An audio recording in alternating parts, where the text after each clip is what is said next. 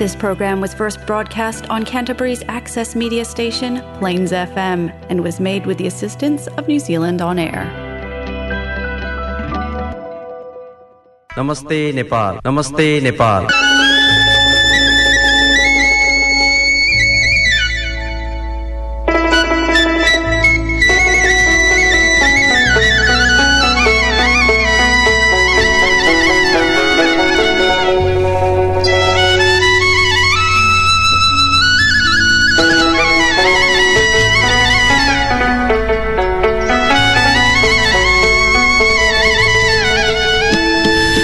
नमस्कार Nepal New Zealand friendship society क्यान्टबरीको प्रस्तुति कार्यक्रम नमस्ते नेपालको एक अर्को अङ्कका साथ यहाँहरूको घर आँगन रेडियो सेटमा भेटघाट गर्न आइ नै सकेको छु क्राइसिसमा रहेको प्लेन्स एफएमको यो स्टुडियोबाट न्युजिल्यान्ड समयअनुसार बेलुका आठ बजे सोमबार कार्यक्रम नमस्ते नेपाल यहाँहरूले प्रत्यक्ष सुन्न सक्नुहुनेछ। त्यस्तै नमस्ते नेपाल सुन्नको लागि यहाँहरूले ninety six ninety six point nine mega frequency modulation crisis आसपासमा सुन्न सक्नुहुनेछ भने Plains FM dot org dot एनजेडमा गइसकेपछि क्राइसिसभन्दा बाहिर न्युजिल्यान्डभर र संसारको जुनसुकै स्थानबाट पनि कार्यक्रमलाई प्रत्यक्ष नै सुन्न सक्नुहुनेछ। त्यस्तै हामीले नमस्ते नेपाल क्राइसिस न्युजिल्यान्ड नामको फेसबुक पेज पनि बनाएका छौँ र फेसबुकमा जोडिसकेपछि कार्यक्रम प्रसारण भइसकेपछि त्यसका पोडकास्ट लिङ्कहरू पनि हामीले सेयर गर्दै आइरहेका छौँ। त्यही पोडकास्ट लिङ्क मार्फत यहाँहरूले लामो समयदेखि हामीलाई साथ सहयोग दिँदै आउनुभएको छ र त्यसैको निरन्तरताको अपेक्षा राख्दै आजको साँझमा पनि कार्यक्रमको यो रेडियो यात्रामा जोडिनुहुने सम्पूर्ण श्रोताहरूलाई म विनोद हार्दिक स्वागत नमस्कार टक्राउँदछु संसारकै टोपी सागर माथा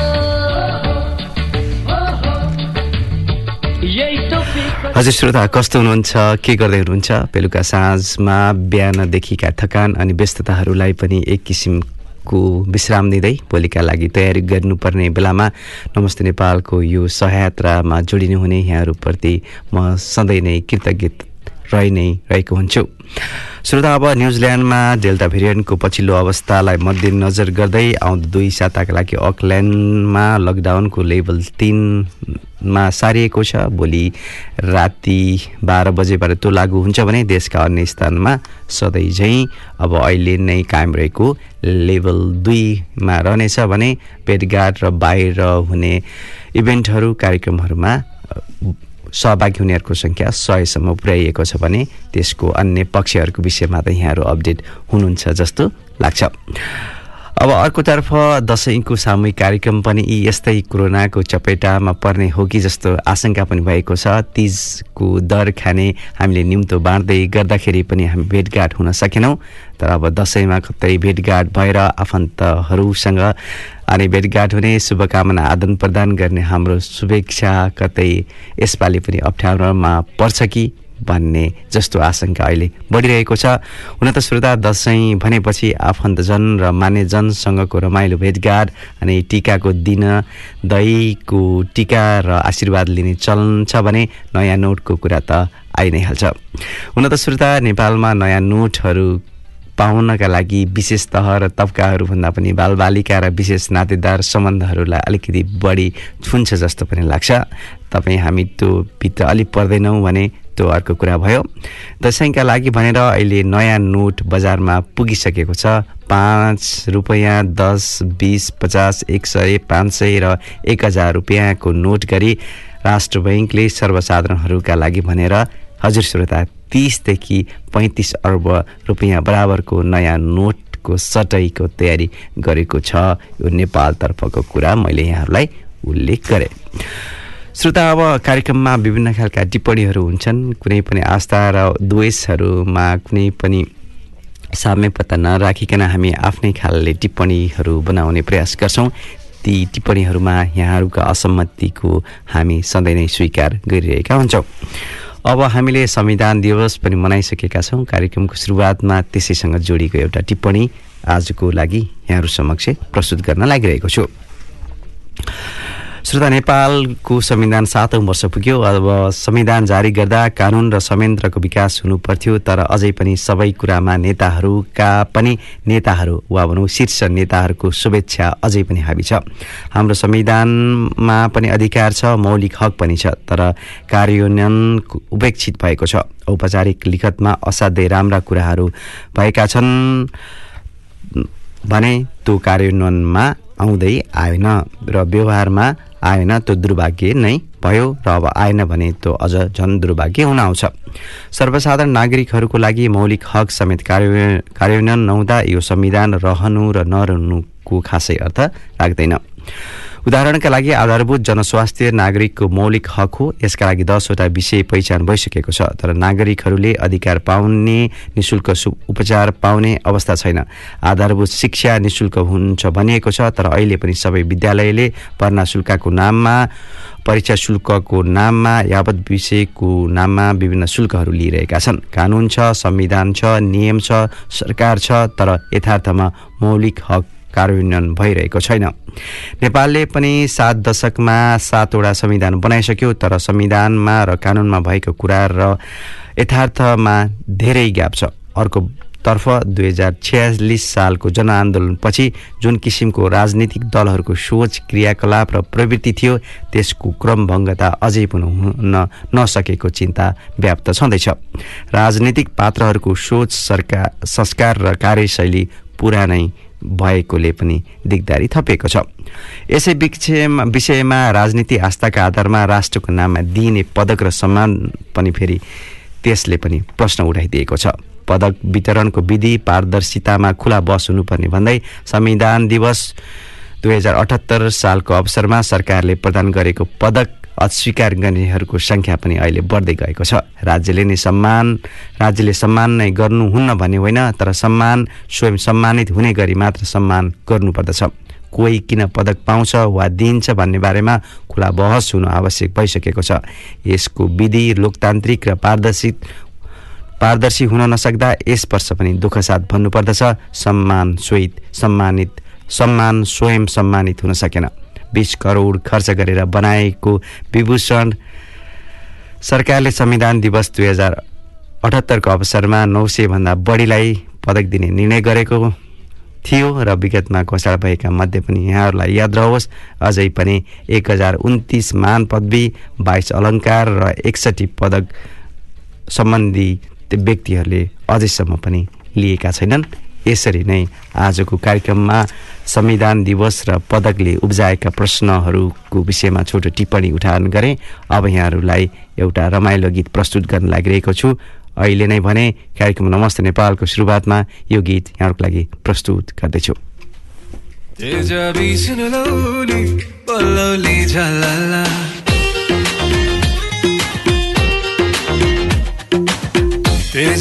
सुन लौली झलला।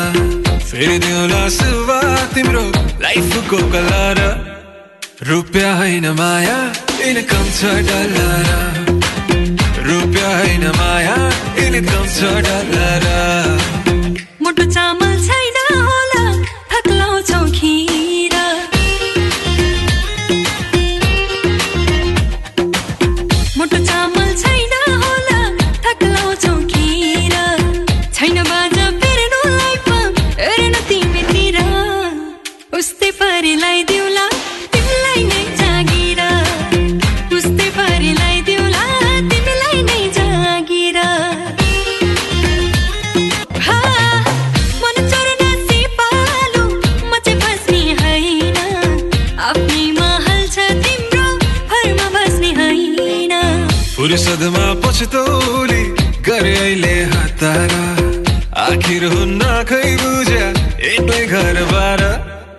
रुपियाँ होइन माया इनकम छ डलर। रुपियाँ होइन माया इनकम छ डलर। बोलेको पुर्याउँछु बस्दिन झुकी। लैजाउँ लो घरको साँचो कमरैमा कसी। हो बोलेको पुर्याउँछु बस्दिन झुकी। लैजाउलो घरको साँचो कमरैमा कसी। दुध भात छ मुखैमा मनको छैन भारा।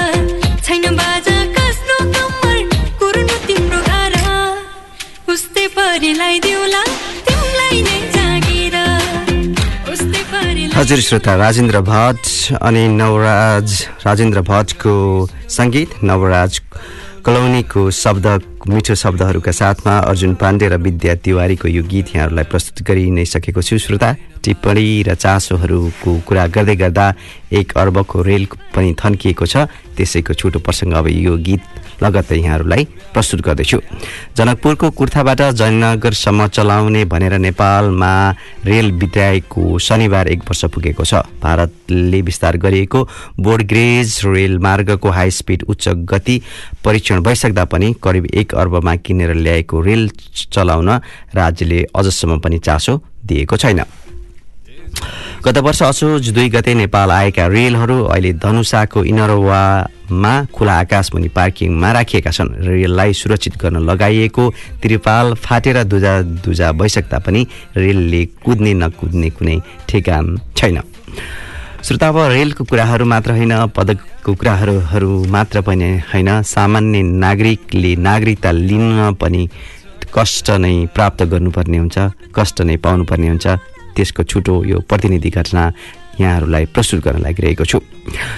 नागरिकता लिन सात दिन पैदल हिँड्नुपर्ने अवस्थामा हामी मौलिक हक र संविधानले दिएको उत्सवहरू कसरी टाढु टुडी खेलमा बसेर विभिन्न उत्सवका साथ मनाउँछौँ त्यो अर्कै कुरा हो त्यसमा त्यति गहिरेर नलागौँ।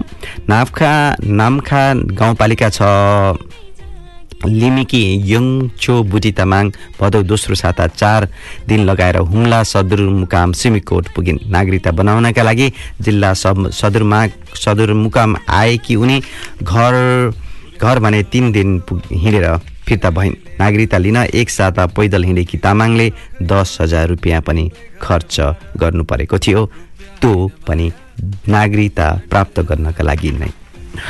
श्रोता यसरी विभिन्न खालका खबर सामग्रीहरू कार्यक्रम नमस्ते नेपालमा जोड्दै आइरहेका छौँ अनि हामीले न्युजिल्यान्डमा भएका कार्यक्रमहरू विशेष गरी नेपाल न्युजिल्यान्ड फ्रेन्डसिप सोसाइटीसँग जोडिएका र अन्य नेपालीहरूसँग जोडिएका खबर सामग्रीहरूलाई पनि प्रस्तुत गर्ने जमर्को गरि नै रहेका हुन्छौँ। नेपाल न्युजिल्यान्ड फ्रेन्डसिप सोसाइटीको साप्ताहिक कार्यक्रमहरू अहिले फेरि पनि सुचारू भएको छ। अब अहिले ब्याडमिन्टन अनि नेपाली कल भाइ बहिनीहरूको लागि नेपाली कक्षा योग अभ्यासको कक्षाहरू पनि अब सुरु भइ नै सकेको छ। कृपया त्यसको ठाउँ स्थानहरू परिवर्तन हुन सक्ने सम्भावनालाई राखेर सोसाइटीको फेसबुक पेजलाई यहाँहरूले फलो गर्ने प्रयास गर्नुहोला। त्यस्तै श्रोता न्युजिल्यान्डमा पनि विभिन्न खालका सङ्घ संस्थाहरू क्रियाशील रहेका छन्। त्यसमध्ये पनि यहाँ पनि New Zealand Nepal chamber of commerce भन्ने संस्था पनि कार्यरत रहेको धेरै मध्ये यहाँहरूलाई थाहा भइ नै सकेको कुरा हो श्रोता। अहिले यो एनएनजेड एनसिसीको नयाँ कार्य समिति बनेको छ। त्यसको अध्यक्षमा दिनेश खड्का चुनिनु भएको छ भने उपाध्यक्षमा कृष्णहरि सापखुटा। त्यस्तै अर्को उपाध्यक्षमा तासी डोल्मा गुरुङ अनि सचिवमा सुरभ सापकोटा सहसचिवमा सागर अर्याल कोषाध्यक्षमा सङ्घ शशाङ्क खरेल र सदस्यहरूमा तेज भट्टराई पासाङ दावा शेर्पा प्रभु पाण्डे र लेखनाथ भण्डारी चुनिने भएको छ। त्यसैको यो छोटो जानकारी यहाँहरूलाई प्रस्तुत गरेँ। यहाँहरूको कार्य कुशलताका साथ बितोस् यो वर्ष। उहाँहरू तोकिएको क्षेत्रमा र तोकिएको समयावधिमा यहाँहरूको पनि सफलताका र उत्कृष्ट कामहरू गर्न सफल रहनुहोस् भन्ने शुभकामना कार्य समितिका सदस्यहरूलाई दिन चाहे।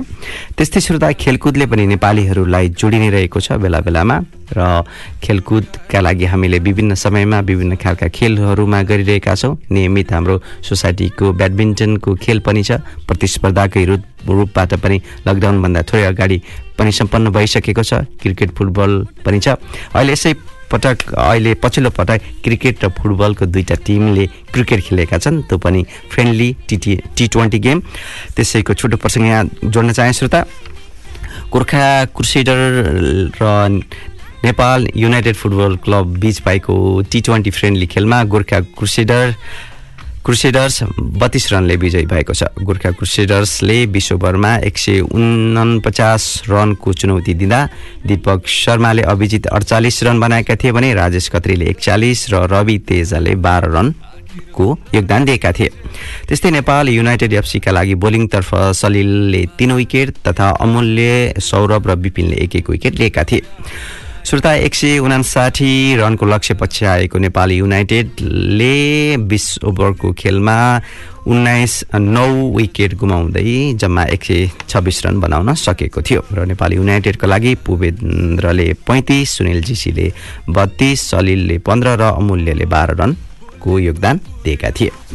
श्रोता यो पछि भने अब अब अर्को प्रसङ्ग यहाँहरूलाई जोड्न चाहेँ। अब त्यसपछि म फेरि पनि अर्को गीत थप्नेछु। त्योभन्दा अगाडि अब विशेष दिनको रूपबाट आजैबाट अब सोह्र श्रद्धाको प्रसङ्ग पनि आइसकेको हुन्छ। दसैँको हामीले प्रसङ्ग जोडि नै सकेका छौँ। दसैँको सुरुवातमा सोह्र दिनको पितृ पक्षको ठुलो भूमिका हुन्छ र मङ्गलबारबाट यो पितृ पक्षको प्रारम्भ हुँदैछ।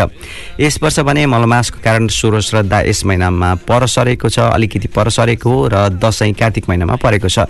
पितृलाई भगवान् अनि पितृकर्मलाई सनातन संस्कारको केन्द्रबिन्दुमा का रूपबाट लिएको हुन्छ र सात पुस्तासम्म पनि पितृको तर्पण दिने चलनले त झन् पितृकर्मको महत्त्व तथा आफ्ना बाबु बाजे लगायतका एउटा ठुलो कालखण्डप्रति वर्तमान पुस्ताको सद् समर्पण भाव को अद्भुत नमुनाको रूपबाट पनि सोह्र श्राद्धलाई लिइन्छ।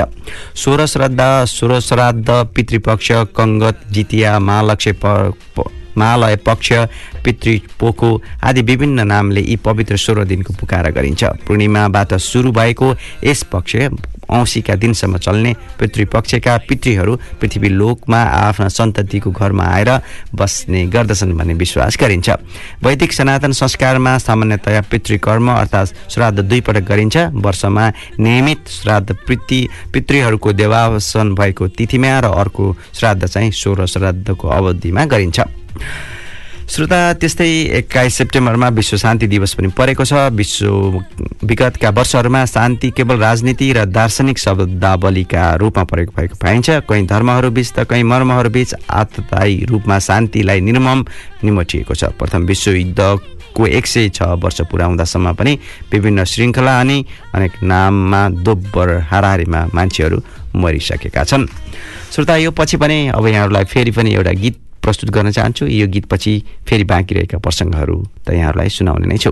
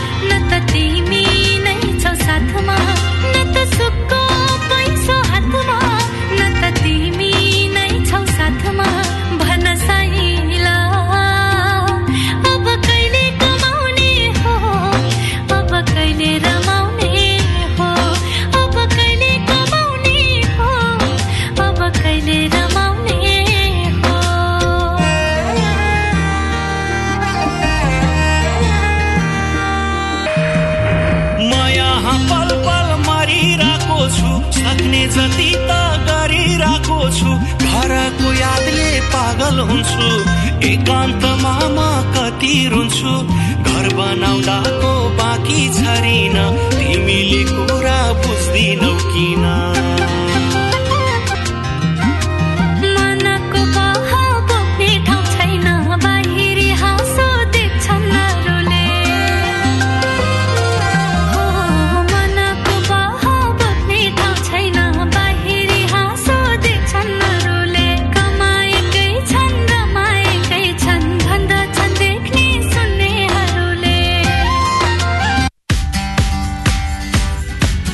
टेक अवे कन्टेनर र कपहरू अनि रोटी पाउरोटी राख्नको लागि प्रयोगमा ल्याइने झोलाहरू घरपालुवा पशु पन्छीका खाना राख्नको लागि प्रयोगमा ल्याइने झोलाहरू साना साना काठका उठ प्यालेट राख्नका लागि प्रयोगमा ल्याइने झोलाहरू तथा फ्रिजमा राखिने साग सब्जीहरू राख्नका लागि प्रयोगमा ल्याइने झोलाहरूमा के कुरा सम्मान छन्?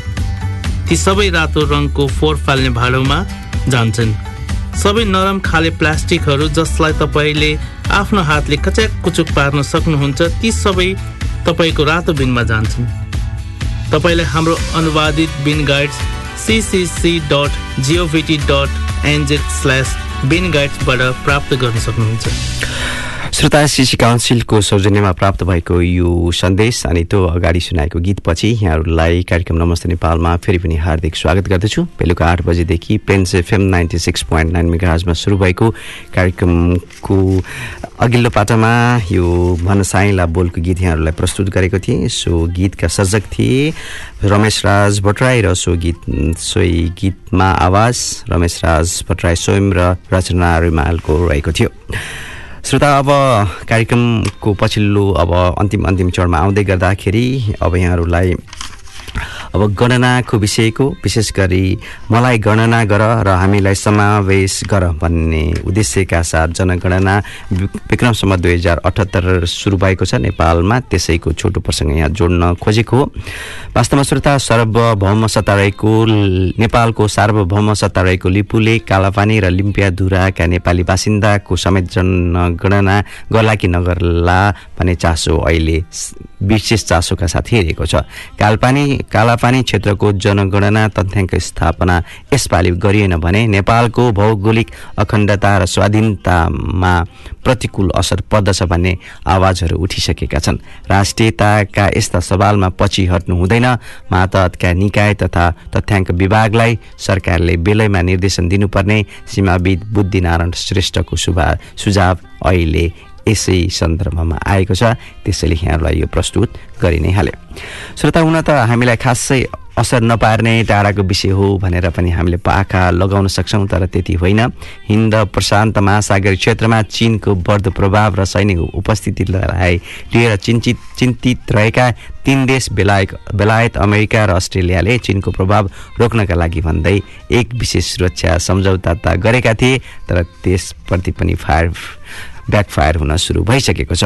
ओकस नाम दिएको उक्त सम्झौतामा आर्टिफिसियल इन्टेलिजेन्स क्वान्टम टेक्नोलोजी र साइबर सुरक्षा लगायतका विषयलाई समेटिने बताइएको छ। चिनले मात्र होइन अहिले यसलाई फ्रान्स उत्तर कोरिया र रसियाले समेत यस गठबन्धनलाई अस्वाभाविक भनेर प्रतिक्रिया दिइसकेपछि ती देशहरू बिचको आपसिक प्रतिद्वन्दिता झन् बढेर जाने सङ्केत देखिएको छ। श्रोता मैले यो हप्ताका विशेष दिनहरूको चर्चा गर्ने क्रममा एक्काइस सेप्टेम्बरका दिन पर्ने विशेष दिवस विश्व अल्जायमर दिवसको यो प्रसङ्गलाई पनि यहाँ जोड्न उपयुक्त ठाने। अल्जाइमर एक प्रकारको डिमेन्सिया हो श्रोता जसले व्यक्तिको प्राकृतिक स्मरण शक्ति व्यवहार अनि अभिव्यक्तिलाई असर गर्दछ। यो स्नायु प्रणालीको एउटा रोग हो। सुरुवात कालमा संवेगात संवेगात गुणात्मक अनि व्यवहारात्मक परिवर्तनको रूपमा अल्जाइमर्सका लक्षणहरू देखिन्छन् अनि पछि गएर अल्जाइमरले स्मरण शक्तिमा पूर्ण ह्राससम्मको अवस्था ल्याउने गर्दछ। त्यसैले श्रोता आफ्नो जीवनशैलीमा केही सुधार गर्न जरुरी देखिन्छ। दैनिक व्यायाम व्यायाम सन्तुलित भोजन सामान्य जीवनशैली जीवनबाट सन्तु सन्तुलित अपेक्षा अनि दैनिक योगाभ्यास गर्नाले अल्जाइमसबाट हामी जोगिन सक्नेछौँ।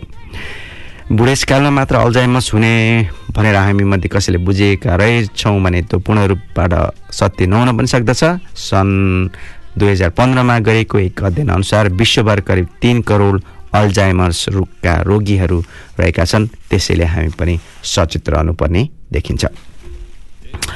श्रोता अब त्यसपछि हामीले विभिन्न अलि पछिल्लो कार्यक्रमहरूमा नेपाली साहित्य समाज न्युजिल्यान्डको सहयोगमा वा भनौँ सौजन्यमा नेपाली साहित्यका विशेष शब्दहरू चुनेका शब्दहरू अझै ओजेलमा परेका शब्दको तात्पर्यताको विषयमा यहाँहरूलाई जानकारी दिने प्रयास गर्दै आइरहेका छौँ।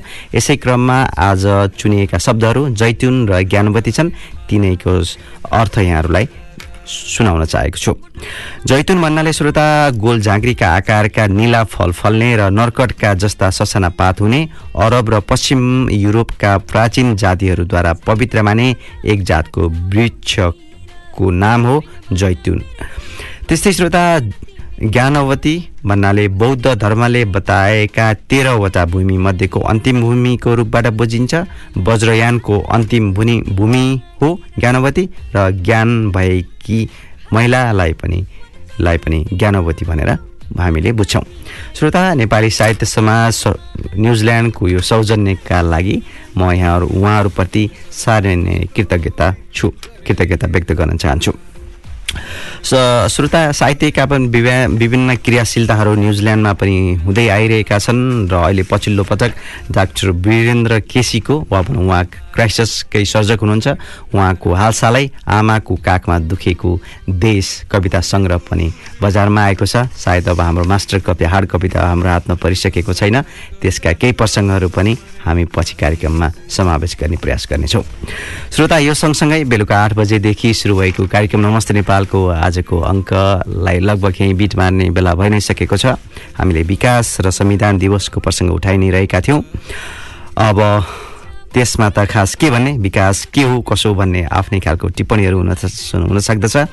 हुन त अब छिट्टै यो उकालामा गाडीहरू धुलो उडाउँदै कुद्नेछन् ट्र्याक्टर ट्रकहरू कति विकास बोकेर आउनेछन् विपत्ति र अभाव छाडेर जानेछन्। पक्कै पनि मानिसको जिन्दगी सडकमा गाडी कुदे जस्तो सरल हुँदैन।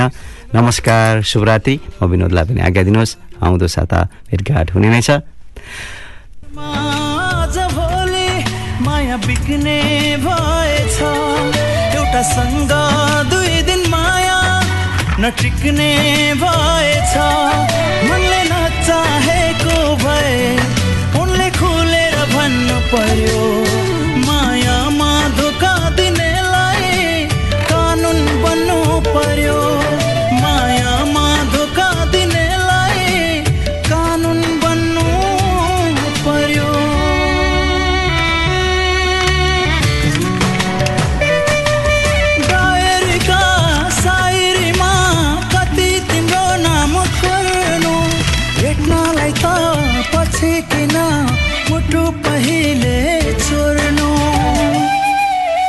नमस्ते नेपाल नमस्ते नेपाल।